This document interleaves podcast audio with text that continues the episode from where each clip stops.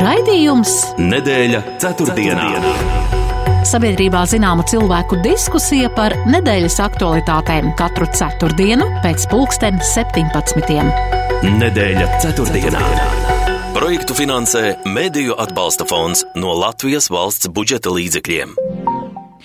Sveicināti kurzemes radio klausītāji! Tiekamies šodien jau ierastā laikā, lai diskutētu par notikumiem aizvadītajās septiņās dienās, kas noritējuši.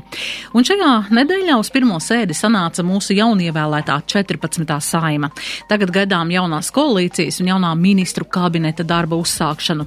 Valsts prezidents šo pirmdienu pasniedza medaļas vairākiem politiķiem par valstī nozīmīgu procesu virzīšanu. Daļā sabiedrības bija manāma neizpratne par atsevišķu medaļu īpašniekiem gadiem. Daugaupilī šajās dienās tika demontēti padomju armiju slavinošie objekti, arī vairākās vietās Latvijā vēl notiek darbs pie dažādu līdzīgu objektu aizvākšanas, un dažādās vietās Eiropā aktivizējas vides aktīvisti, bojājot mākslas darbus un pielīmējoties šo objektu tuvumā. Mūsu ārlietu ministrs Edgars Rinkēvičs Eiropas Savienības ārlietu padomis sanāksmē aicinājis Eiropas Savienības dalību valstis sākt darbu pie nākamās devītās sankciju paketes pret Krieviju izstrādes un turpināt īstenot arī ierobežojošus pasākumus pret Baltkrieviju. Vēl aizvadītās nedēļas nogalē Krievija paziņoja par izstāšanos no tā saucamā labības darījuma. Procesā aktīvi iesaistījusies Turcija, un labības eksports izskatās, ka šobrīd atsācies. Vēl Ukraina, turpinot saņemt sabiedroto palīdzību, turpina savas zemes atbrīvošanu no, okup no okupantiem un, protams, vēlam, lai viņiem izdodas. Un vēl esam iegrozījuši pulkstenī ziemas laiku, un tas liek vadīt garākus tumšo vakaru, vakarus, vakara stundas, un šogad liekas īpaši agri arī sari, sarosījušies lampiņu virteņu un un arī Ziemassvētku dekoru tirgotāji. Šovakar sarunāšos ar lieliskiem raidījumu viesiem. Rīgas Stradiņu universitātes lektoru autori Leldi Metlu Rozentāli. Labvakar! Labvakar! Un klavierbūves meistaru Kuldīgas uzņēmuma Kļaviņš piano vadītāju Dāvidu Kļaviņu. Labvakar! Labvakar! Jā, man tāds ievad jautājums jums par šīm uh, medaļām. Uh, šīs medaļas, jā, pirmdien uh, mūsu valsts prezidents pasniedza vairākiem politiķiem, kas nav ievēlēti tālāk turpmākajā nākamajā saimā 14. Tātad šīs medaļas par atsevišķiem tādiem izciliem panākumiem vai sasniegumiem. Un daļā sabiedrības bija jautājums, jā, par, piemēram, par medaļu pūces kungam, zinot, kā tur sākumā viņam bija ar tām stāvvietām un vēl šo to. Un arī kaimiņu kungam. Jūsu tāds skatījums uz šo un kāpēc, piemēram, nu, arī Es uzskatu, ka veselības ministrs uh, paveic ļoti daudz, uh, uzņemot uz sevis gan sabiedrības nopēlumu, gan dažādas viedokļus, bet tomēr tas kaut kā pagāja secen arī, arī Naurim Puntulim, bet, nu, kultūras ministrs, protams, ievēlēts arī turpmāk. Bet jā, jūsu viedoklis, um, Lelde. Nu, jāsaka, ka man gluži tāpat kā vairākumam sabiedrības pirmajā brīdī ļoti samulsināja šie uzvārdi, izlasot viņus. Un tad man likās, varbūt ir garāks saraksts ar uzvārdiem, un kāds žurnālists ir tikai izcēlis tos spilgtākos. Bet tad, kad es sapratu, ka tiešām ir tikai četri arī pavisam iedoti šie medāļi, un divi no tiem, jāsaka, nu, ja mēs tā klasificējam, tad divi noteikti kaimiņu kungam un puķus kungam ir, nu, viņi ir tādas interesantas personības bijušas mūsu politiskajā vēsturē, tagad jau var teikt. Tāpēc, protams, ka tas ir mulsinoši acīm redzot, nu, es kā speciālists mēģināju uzreiz domāt, nu, kāds varētu būt tas izskaidrojums, lai nav tā, nu, ka diez vai ka prezidents kaut ko gluži pilnīgi tā nejauši ir izdarījis. Nu, acīm redzot, man liekas, ka tas ir stāsts par tiem re, iesāktajām reformām, kuras viņš iezīmē, ka vajadzētu turpināt. Respektīvi, ka tā ir, nu, zināmā mērā pat varbūt pat nu, jau noslēgtajām reformām, bet kuras viņš negrib, lai apšauba. Proti, tā ir administratīva teritoriālā reforma, ko viņš ir sastaistījis ar Pūtiskumu kopā. Tā ir tiesiskuma reforma, kur tas, nu, tas centrālais tēls bija Botāna kungs ielikts, un tā ir obligātā dienesta atjaunošana vai ieviešana Latvijā, kur ir pabrikungs. Nu, un tad Kariņa kungam, eh, nevis Kariņa, bet kaimiņa kungam, es atvainojos, viņam laikam, nu, viņš, viņš simbolizē to cīņu ar Krieviju, proti, jo viņam tas ordens tika iedots par pareizticīgo baznīcas atdalīšanu likumiskā veidā, Latvijas pareizticīgo baznīcas no Krievijas pareizticīgo baznīcas. Nu, tad es domāju, laikam tas ir tāds, tāds simbolisks, um, uh, simbolisks devums.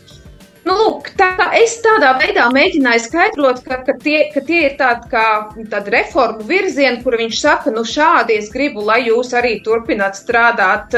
Ne šie cilvēki, jo viņš ir devis tikai tiem, kas jau ir atstājuši saimas mājīgās telpas, lai arī iespējams nebūtu interešu kaut kāds konflikts, bet, kā jūs teicāt, nu, būtu jau arī vēl citi, ko noteikti šajā sarakstā varētu ierakstīt, lai viņš neizskatītos tik īss un tik mulsinošs tomēr cilvēku acīs acīs. Jā, Dāvid, kāds ir jūsu viedoklis par šo?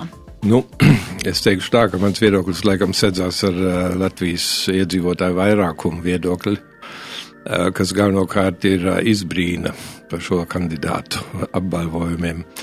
Nu, piemēram, man personīgi liekas, ka Bordāna kungam piešķirt medaļu par tiesiskumu veicināšanu ir pilnīgi pretēji. Manā uzskatā Bordāna kungs tiesiskumu nav izpratis. Eh, es, man ir ļoti eh, precīzi un detalizēti uzskati par to, kas īpaši notika pēdējos divos gados tiesiskuma ziņā. Un tur tika ļoti ievērojami pārkāptas cilvēku pamatiesības, un tas viss tika kā, attaisnots, un Bordāna kungs piedarīja pie tiem, kas, protams, kuram būtu bijis pienākums, pirmais pienākums. Eh, ļoti kritiski skatīties uz šiem notikumiem, bet viņš to nedarīja un tāpat izgāzās mūsu mīļākais tiesības sargs. Vārds sakot, pilnīgi nepamatot medaļa, manuprāt, bet es to visu redzu kā vienu mazu, mazu cēlieniņu no kopējā politiskā teātra, jo lielākā daļa to, ko mēs redzam, tur ir teātris. Un tie aktieri vienā gadījumā ir kaut cik veiksmīgāki, citreiz ne tik veiksmīgi, bet um, lietu virzība ļoti maz no viņiem ir atkarīga. Tā ir atkarīga no cilvēku izšķirīgo cilvēku kopienas, var teikt. Politisko nozīmīgo cilvēku kopienas. Jā, jūs esat dzīvojis vairākās valstīs, bet uh, patiesībā ir tā, ka uh, nu, uh, šāds politika vienmēr ir uzskatīta par teātri. Vienalga, kādā sabiedrībā, ja cilvēks nonāk politikā, viņš savā ziņā ir uz skatuves un, un savā ziņā tas nu, cilvēks tiek vērtēts pēc dažādiem. Viena neveiksmīga frāze vai, vai kaut kāds neveiksmīgs solis vai, vai kaut kas uzreiz tas ir pilnīgi kā zīmoks. Um, jaunā saima Dāvidi, jūsu skatījums uz jauno saimu, tāpat skatu ar citiem aktieriem, vai varētu būt kaut kas cerīgāks? Kaut kas? Nu, netieksim, ka tāpat skatu, ņemot vērā, ka 75% aptuveni bijuši, laikam precīzi pat bijušo varoņu, sauksim tā tā, jeb bijušo aktieru. Tagad ir citā druvā, un tagad ir tie jauniņiem. Tur, es domāju, ir tikpat kā neiespējami šodien prognozēt kaut ko. Es kā nelabojams optimists vienmēr sagaidu to labāko un cerību mirst pēdējā, kā mēs zinām. Un tā kā es novēlu saimas, šim saimnes sasaukumam vislabāko un eh, ar ļoti uzmanību, lielu uzmanību sekošu, kas notiek un eh, cik varēšu, varēšu paudīšu savu viedokli un savus priekšlikumus, ja man liksies, ka kaut kur tie tiek uzklausīti, ja kādam tie, ir, tie interesē. Un uh, skatīsimies, kā mēs visi kopēji mēģinām tā kā tā demokrātiju īstenot. Lai tā nebūtu negūstot eh, vienīgi uz eh, saimnes eh, locekļu pleciem, kurus mēs te tikai sēžam te blakus un vairāk vai mazāk kritizējam, parasti drīzāk kritizējam, bet konstruktīvu priekšlikumu ir ļoti maz, un es savukārt vēlos fokusēt konstruktīvus priekšlikumus. Tā kā cerēsim to labāko un skatīsimies, kas notiks. Es domāju, daudz pāri prognozēt kaut ko šai brīdī. Jā, Lelda, kā jūs skatāties? Bija pirmā saimas sēde, 14. saimas sanāca uz savu pirmo sēdi, ievēlēja prezidiju. Um, Smiltēns ir tātad saimas uh, priekšsādātājs. Kā jūs redzat uh, šādas izmaiņas arī uh, saimas prezidijām? Uh, nu, es domāju, ka uh, no vienas puses jāsaka, ka Mūrnieces kundze ļoti sekmīgi ir pildījusi savas saimnes priekšstādātājas funkcijas kā tāds labs administrators, jo faktiski nu, tā jau ir tā viena no saimnes priekšstādātāja pamatu uzdevumiem regulēt to ceļu satiksmi parlamentā. Uh, bet no otras puses, protams, ka vienmēr var vēlēties vēl arī kaut kādas papildu nerakstītās funkcijas. Piemēram, vairāk sarunāties ar sabiedrību, tātad šī komunikācija, ne tikai oficiālās uzrunas dažādās svētku reizēs, bet, teiksim, arī komentāri par saimas darbu, par vienu vai citu lēmumu.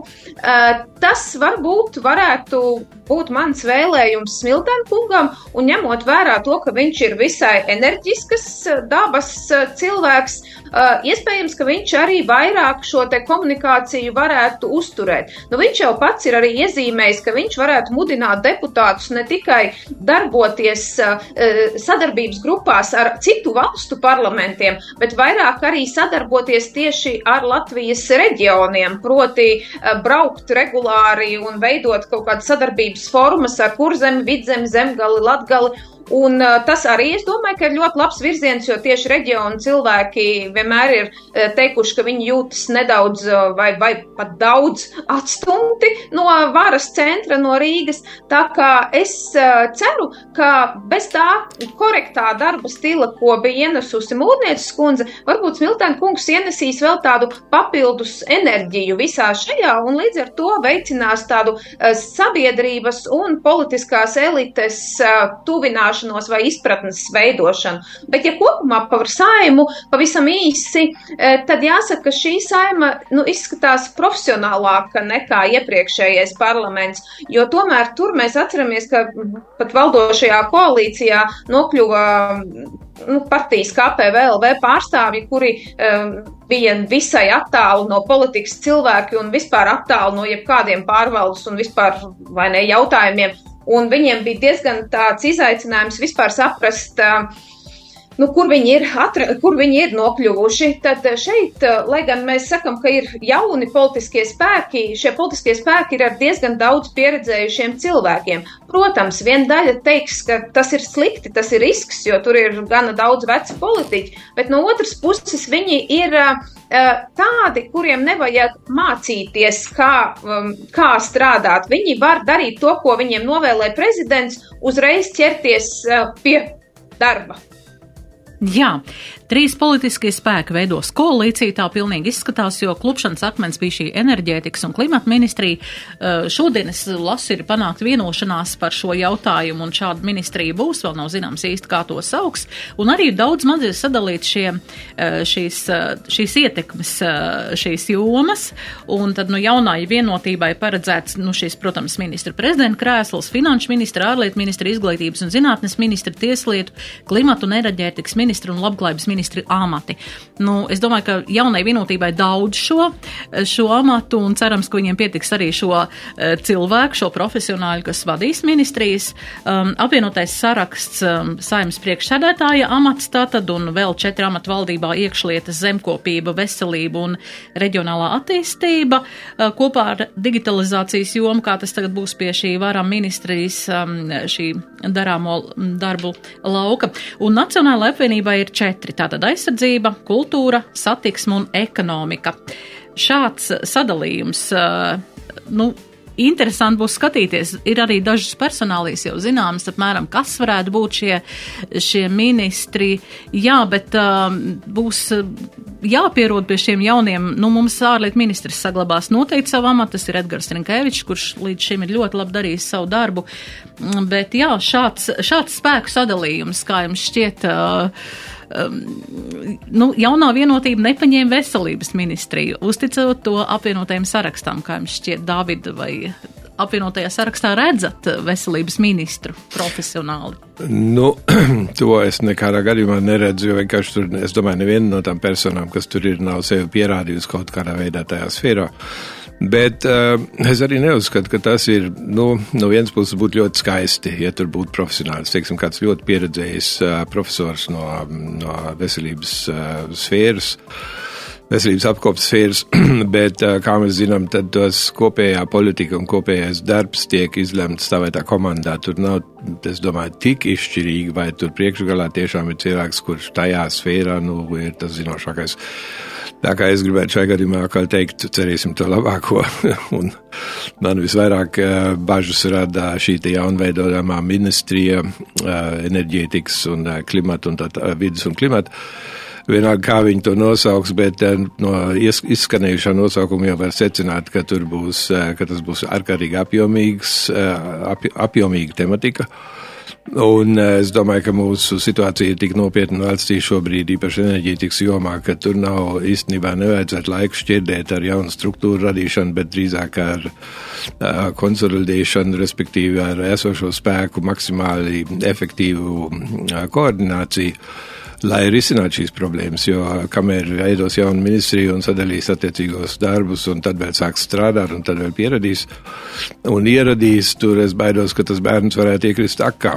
Proti, Latvijas iedzīvotājs, kuram vajag ļoti spiedīgi, var teikt, ļoti steidzami vajag piedāvāt palīdzību un nevis makulatūras formā, kā tas līdz šim ir vairāk vai mazāk tajās, tajā programmā, kas līdz šim ir izstrādāta, iedzīvotājiem palīdzēt Tur ir tik daudz šķēršļu salikti, ka, piemēram, klasiskais seniors Latvijā, viņš vispār netiks pie tās naudas, jo viņš nepārvarēs tos šķēršļus, visus tos birokrātiskos, kas tur salikti ir.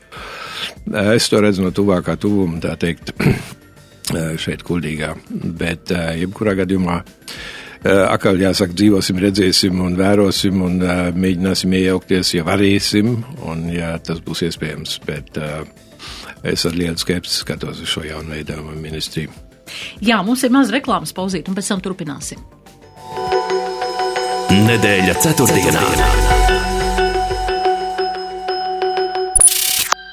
12. novembrī, 19.00. Tukumas sporta halē, Pauzera ielā 7. notiks startautiskais cīņu šovs Milžu cīņas. Cīņas notiks cīņu būrī pēc MMA, boks un K1 noteikumiem. Šajā pasākumā ringā kāps sportisti no Dānijas, Indijas, Taizemes, Ukrainas, Lietuvas un arī labākie atlēti no Latvijas. Vakara galvenajā cīņā pēc MMA noteikumiem cīnīsies Kristaps Zutis. Biļetes iepriekš pārdošanā var iegādāties kafē terase Tukumā brīvības laukumā 11 un pasākuma dienā Tukuma sporta halē Pauzere ielā 7. Kā pavadīt laiku interesanti, vienlaikus arī laimēt līdz 5000 eiro?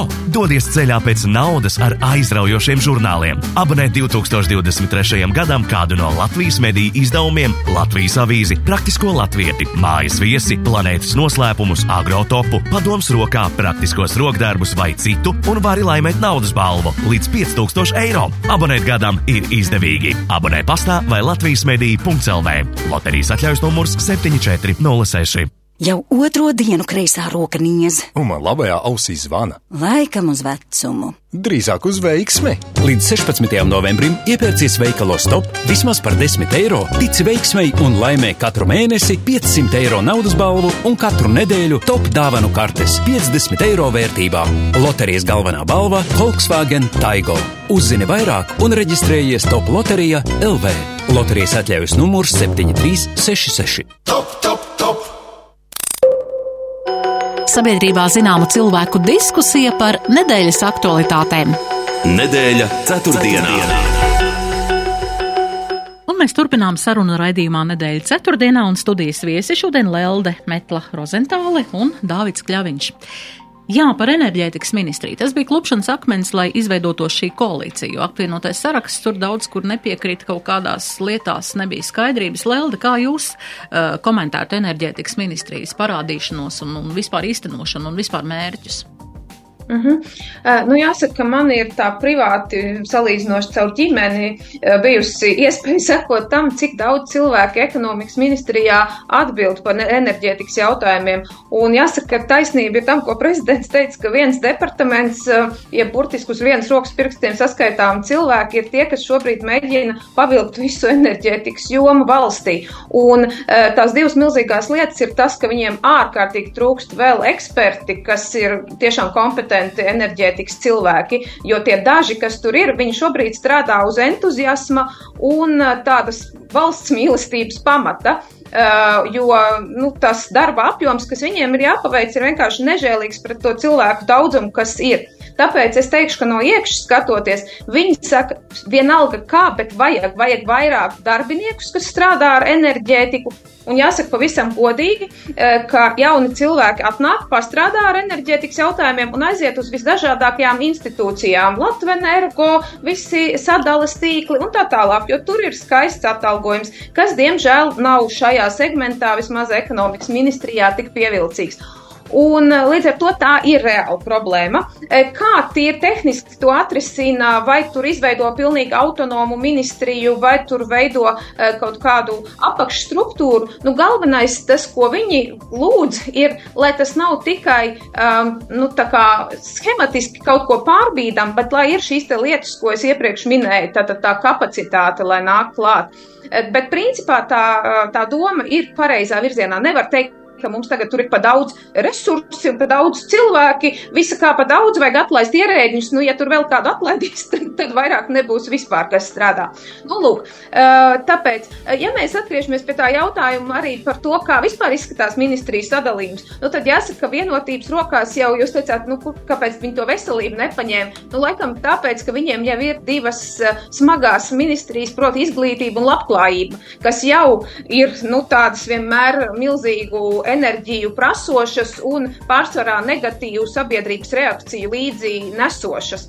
Un, eh, tāpēc es domāju, ka viņi vienkārši nu, daudz maz koleģiāli mēģināja, eh, kāpēc tāda izvēle tieši atdot eh, veselību, nevis, piemēram, izglītību. Um, nu, to mēs redzēsim tad, kad tiks virzīts personālais. Varbūt apvienotais saraksts uzņemoties šo ministriju, zina, ka viņiem ir kāds cilvēks, ko viņi ir aizrunājuši un kas, kas ir ko, ko likt vai ne vietā.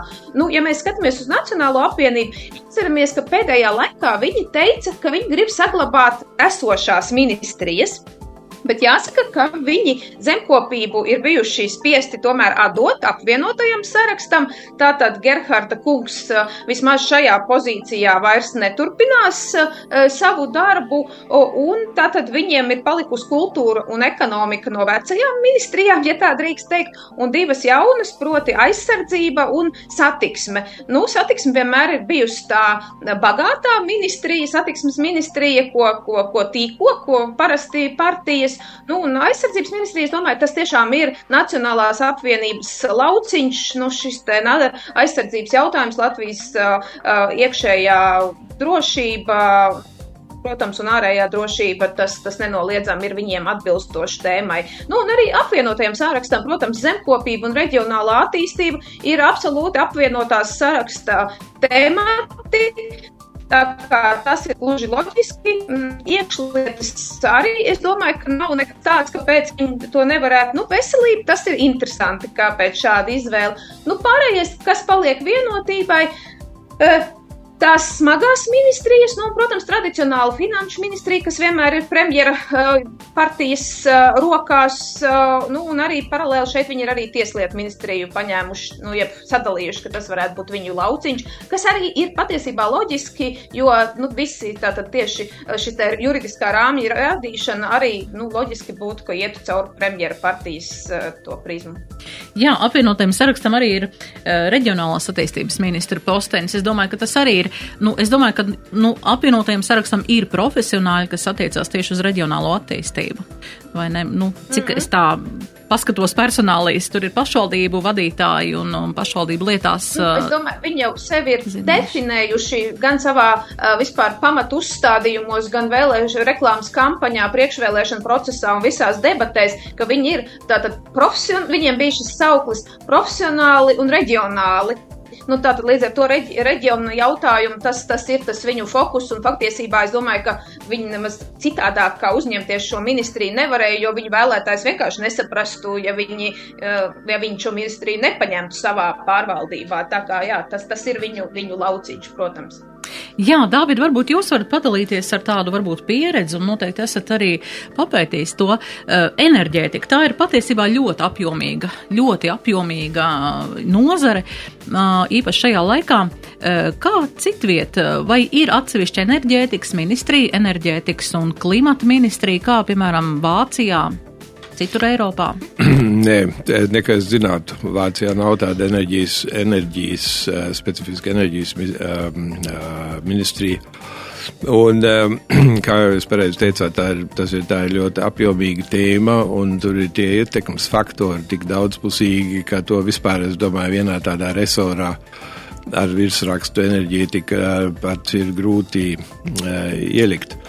Tas jau cieši saistās, piemēram, nu, kaut vai piemēram, ar ārlietu politiku. Jā, mēs tagad skatāmies, piemēram, par ko es domāju, mums vēl būs runa. Sankcijas.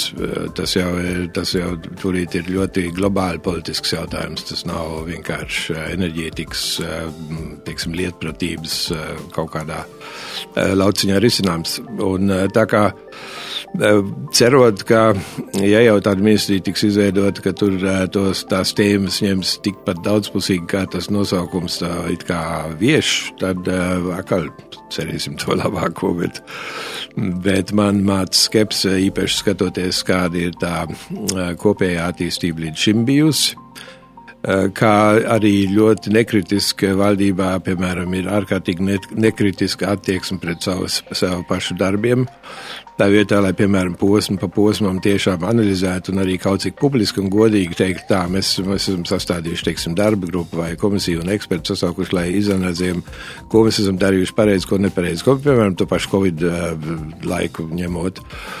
Es neredzu šādus centienus vispārīgi, un tad mēs tikai varam pie sevis cerēt, ka viņi savā nodabā kaut cik paškritiski skatās uz, bet mēs jau, ja mēs neskatāmies, neanalizējam pagātnes darbus un nemācamies no tiem, ko mēs darījām gadījumā nepareizi, tad mēs nevaram arī kaut ko darīt turpmāk pareizāk. Ja mēs vienkārši vienu un to pašu taciņu ejam tālāk, neskatīdamies pa labi, ne pa kreisi. Tā kā jā, grūti pateikt šobrīd, kas no tā viss iznāks, bet es šajā gadījumā esmu teiks, ļoti skeptisks par to, ka tas, ka tas būs atbilstoši situācijai. Jā, vispār šie jā, jā, jā, liela par to citu mm -hmm. valstu pieredzi, mm -hmm. tad tā pieredze ir ļoti dažāda. Piemēram, mūsu kaimiņiem uh, Lietuvai ir atsevišķa enerģētikas ministrija jau ilgstoši, uh, Igaunijai nav, viņai ir zem citas ministrijas apakšā šis segments. Uh, salīdzinoši, ko tas nozīmē Lietuvai? Piemēram, Lietuvai ir iespēja uz Briseli sūtīt divus atašējus, kas cīnās par enerģētikas, tieši specifiski enerģētikas, nevis visas ekonomikas ministrijas, kā mums tas ir Latvijā, ir atašējs, kurš pārstāv ekonomikas ekonomikas ministrija. Viņiem ir divi speciāli enerģētikas atašēji. Līdz ar to viņi redz, ka viņi veiksmīgāk spēj aizstāvēt savas intereses tieši enerģētikas jomā.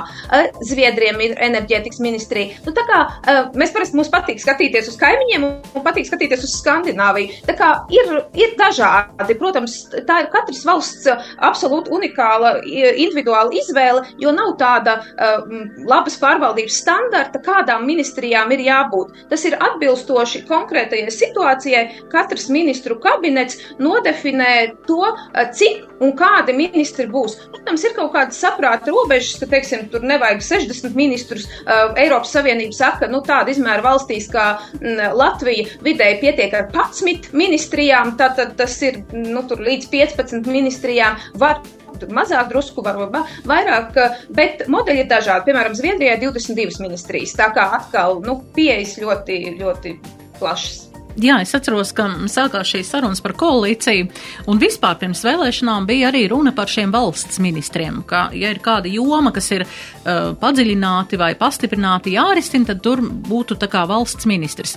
Noteikti sabiedrībā ir jautājums, kas būs tagad enerģētikas ministrija? Atkal resursi, atkal, uh, ko tas prasīs no budžeta?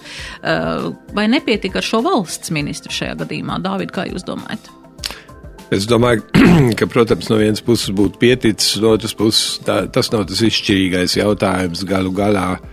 Es domāju, ka izšķirīgais jautājums ir, kurš no vai nu ministriem vai resoriem spēja piesaistīt pietiekami zinošus cilvēkus un cik plašā perspektīvā kopumā to problēmu skata un risina tās problēmas. Jo viens ministrs, ja būdams šāds vai tāds, vai saugdamies šāds vai tāds, neko neizmainīs. Un, manuprāt, arī tas apzīmējums valsts ministrs jau ir bišķītiņi mulcinošs, jo ministri, visi ministri faktiski ir valsts ministri. Ja? Un kāpēc tur tagad tā, tā kā pārkārtot, kurā, kurā brīdī viņam būtu plašāks autoritātes kā citiem ministriem, vai kur tā jēga? Es domāju, tas tikai rada vairāk apmulsumu nekā labumu. Tā kā es, es uzskatu, ka tas nebūtu neko tālāk, labāk risinājis. Nu, par to pašu enerģētikas ministriju vēlreiz runājot. Izšķirīgais jautājums jau būs, vai tur tas, ka, tas tā nasta, ko tagad nevar pacelt ekonomikas ministrijā un citur, vai tā tiks, būs, vai šis jautājums būs labāk atrisināts, tas nozīmē, vai tur būs zinošāki cilvēki, vai tur būs plašāks personāžs Un, un, ja nav pašiem šie cilvēki, tad pieaicināt no ārpuses. Mums valstī noteikti ir eksperti, kurus var pieaicināt visādos jautājumos. Nav tas, jā, savā, savā tā teikt, savu personālu, nu, oficiālo administrācijas darbinieku ietver obligāti tikai jārisina. Visi, tas attiec uz visiem jautājumiem, kas valstiski svarīgi. Jā, par valsts ministriem, Lelde, kā jūs domājat?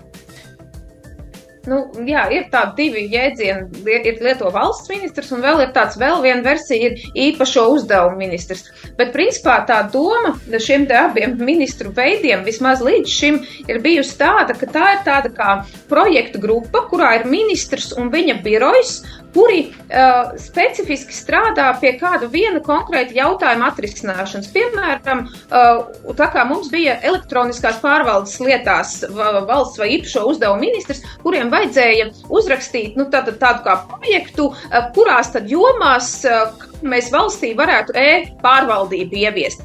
Bet redziet, mums jau šajā enerģētikas jomā nevajag tikai uzrakstīt kaut kādas idejas, kā mēs tagad nu, tā teorētiski varētu to enerģētikas jomu uh, apsaimniekot, mums jau vajag arī tos, kuri to apsaimnieko. Mums jau vajag tos departamentus apakšā zem šīs ministrijas. Mums nepietiek tikai ar to ministru un viņa padomniekiem un kaut kādu tādu nelielu komandu, jo uh, stratēģija ir laba lieta, bet pēc tam vajag kādu daudz vairāk, kas, kas pie tās izpildes uh, ķerās. Un tāpēc es domāju, ka šai gadījumā es saprotu, mm, ka ministrijas jaunas izveides, zinu, ir smagnējs process un tas nav tik ātri, tur pusgads mm, visdrīzāk vismaz ir jārēķina, kamēr tas viss tiks sakārtots.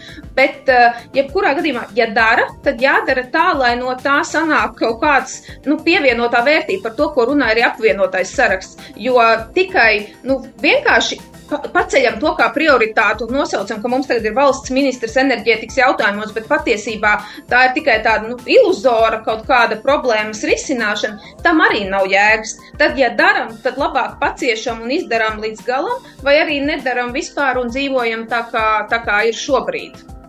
Jā, mums ir atkal maza reklāmas pauzīte, un mēs turpināsim. Nedēļa ceturtdienā.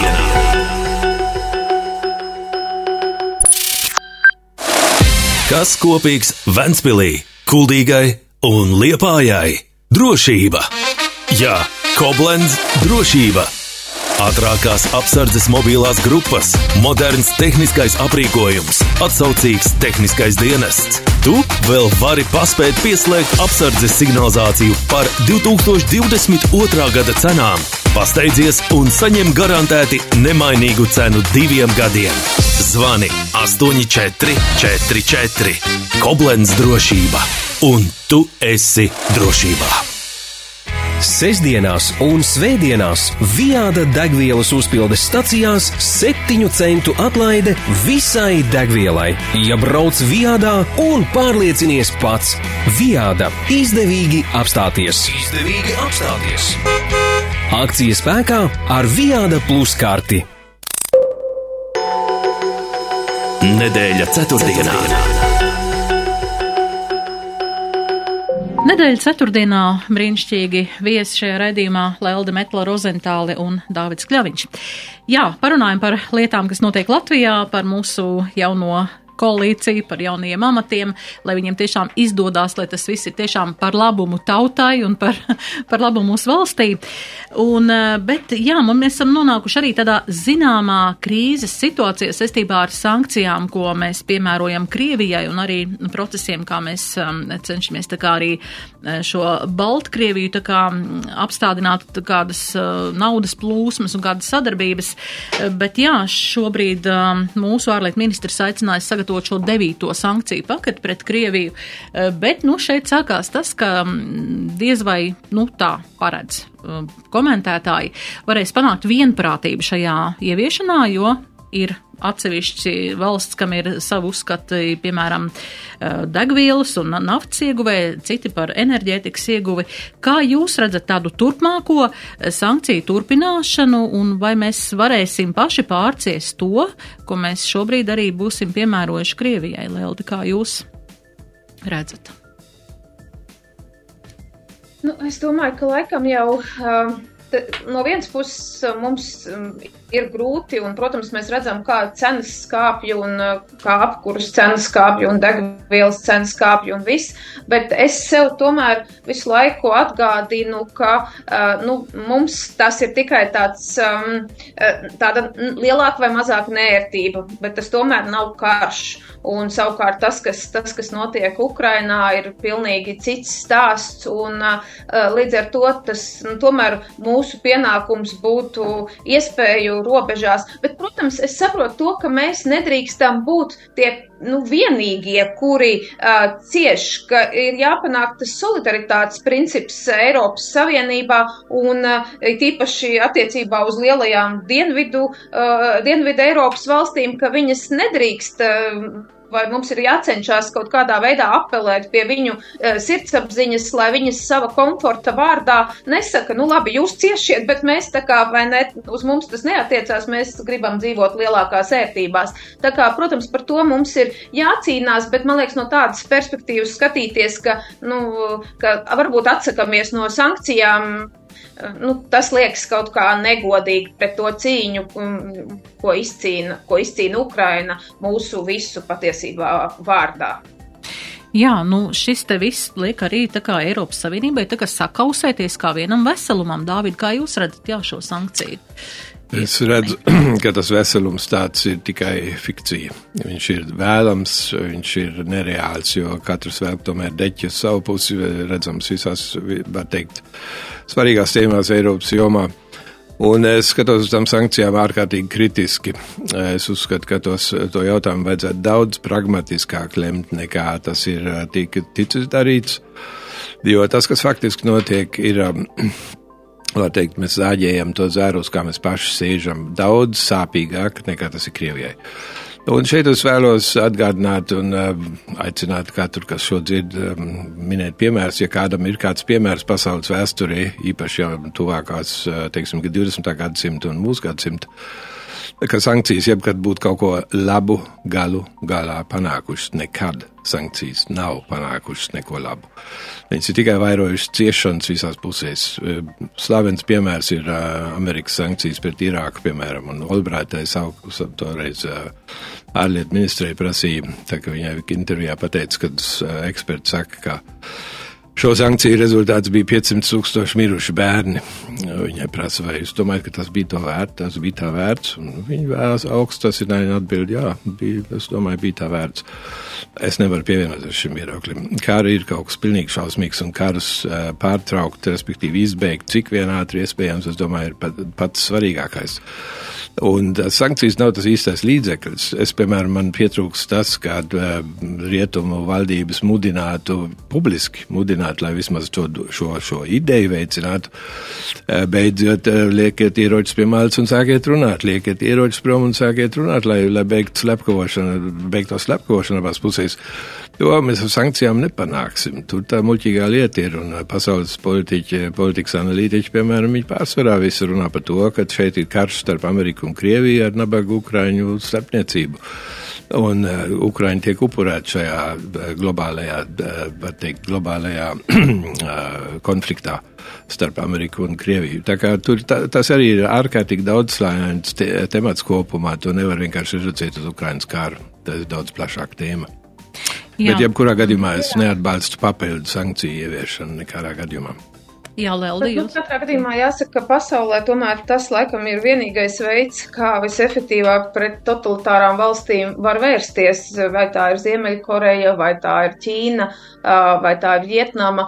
Nu, principā apelēt pie šo cilvēku sirdsapziņas un teikt, ka tā darīt nav labi un ka lūdzu nebombardējiet Ukrainu. Nu, laikam tas īpaši to situāciju nerisina. Un tikai tad, kad kaut kādā veidā tu sajūti nērtības uh, savai dzīvei, uh, savam komfortam, uh, tad varbūt kāds no Krievijas uh, sabiedrības segmentiem sāks kurināties un teikt, ka oh, nu, šis, šis, šis nav, nav jauki vai ne, un kaut kā varbūt citādāk jāmēģina dzīvot.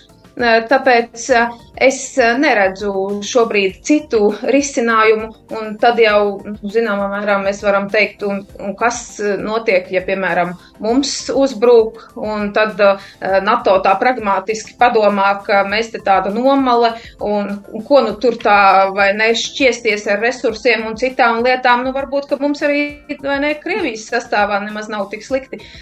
Tāpēc, nu, es, es te būtu tā, tādas teiksim, citā pozīcijā skatoties uz šo sankciju jautājumu. Viņas ir nepatīkamas, bet ja, ja ir kāds cits tikpat uh, uh, iedarbīgs līdzeklis, tomēr, tad, tad, tad, protams, bet ja citu līdzekļu nav, tad, tad es domāju, ka nav, nav īpaša varianta šobrīd. Jā, skatīsimies un redzēsim, kā, kā lietas risinās tālāk. Katrā ziņā ir apbrīnojama šī ukraiņu um, drosme stāvēt pretī, un tad, kad mēs redzam arī šīs te, uh, šīs te mm, ieliktās, ieliktos videoklipus, kad ir, ir, ir šie dusmīgie dažādi Krievu propagandas kanāli, kas niknumā vienkārši šņāc par to, ko darīt.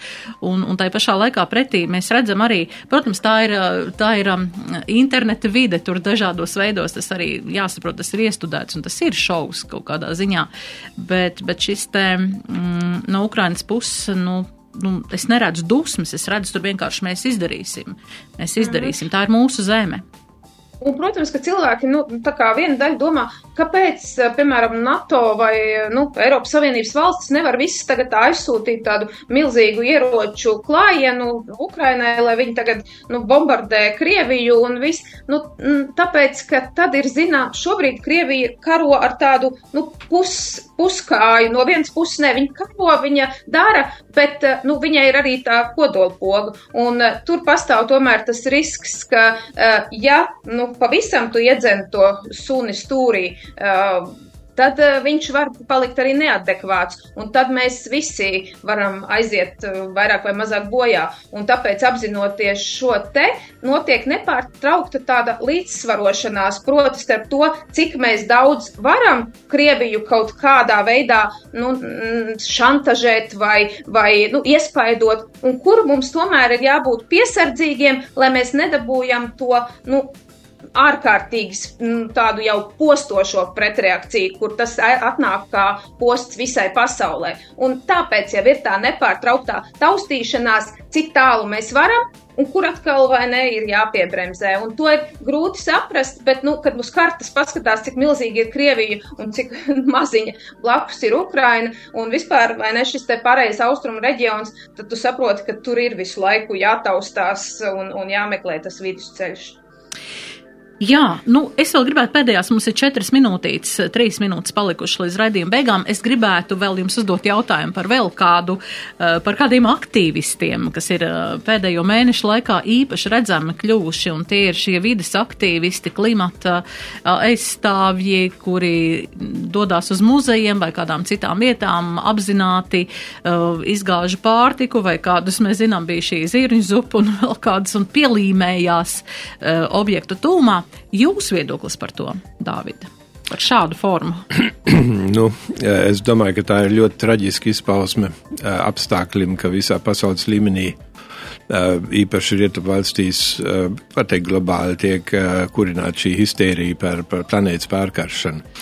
Es nesaku, ka to tēmu nevajag vispār cilāt, bet šeit ir kā tik daudzos tēmās, ka vien ļoti vienpusī, viens ļoti vienpusīgs viedoklis, dažu zinātnieku viedoklis tiek pasaules līmenī pacelts pa vienīgi derīgo. Un nabaga bērni un jaunieši, kas ir īpaši viegli ietekmējami, tiek burtiski panikā dzīti. Piemēram, mūsu slavenā Grēta. Ja. Viņa ir, viņai neko nevar pārmest. Viņa ir nabaga bērns, kurš ir iedzīts panikā un kurš tiešām godīgi savu paniku izpauž un mēģina kaut ko darīt lietas labā. Un tā ir tie nabaga, kas līmējās tur kaut kur klāt, nesaprastam, ka tas nekad neko nemainīs, kad šī tā tēma ir, kā jau viss tēmas ļoti plaša un būtiska. Un, Viņu risināt vispār varētu tikai ar daudzpusīgu zinātnisku viedokļu apkopošanu, respektīvi zinātnieks no visām pusēm tā teikt, aicināt izteikties un tad gūt, kaut, gūt arī šajā tēmā kaut cik pragmatiskāku skatījumu un nevis šo te panikas kurināšanu. Tā es kategoriski pretojos un uzskatu, ka vispār tas nav pierādīts nekādā veidā, ka mēs cilvēku pārkarsējam, cilvēku aktivitāti pārkarsējam planētu. Tas visā vismā ir mīts un to balsta šo skatījumu balsta ļoti daudz zinātnieku visas pasaules līmenī. Jā, Lelde, kā jūs redzat šādu protestu formu un šo nozīmību?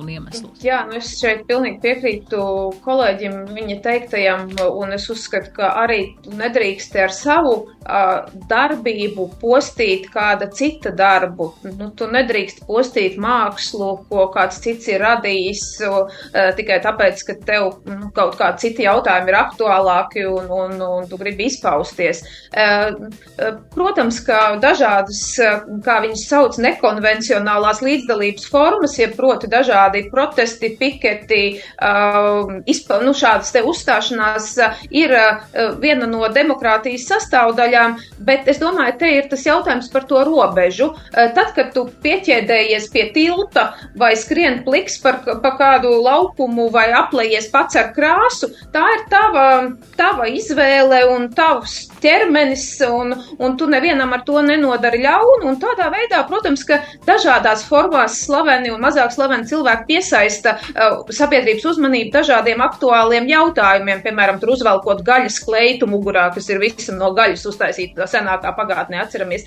Lady Gaga. Uh, bet uh, jautājums ir par šo te robežu. Tad, kad tu sāc postīt kādu citu darbu, tas man liekas, vairs jau nav pieņemami, jo, nu, tad kāpēc tu esi labāks un tavs viedoklis ir labāks par kādu citu paveikto? Jā.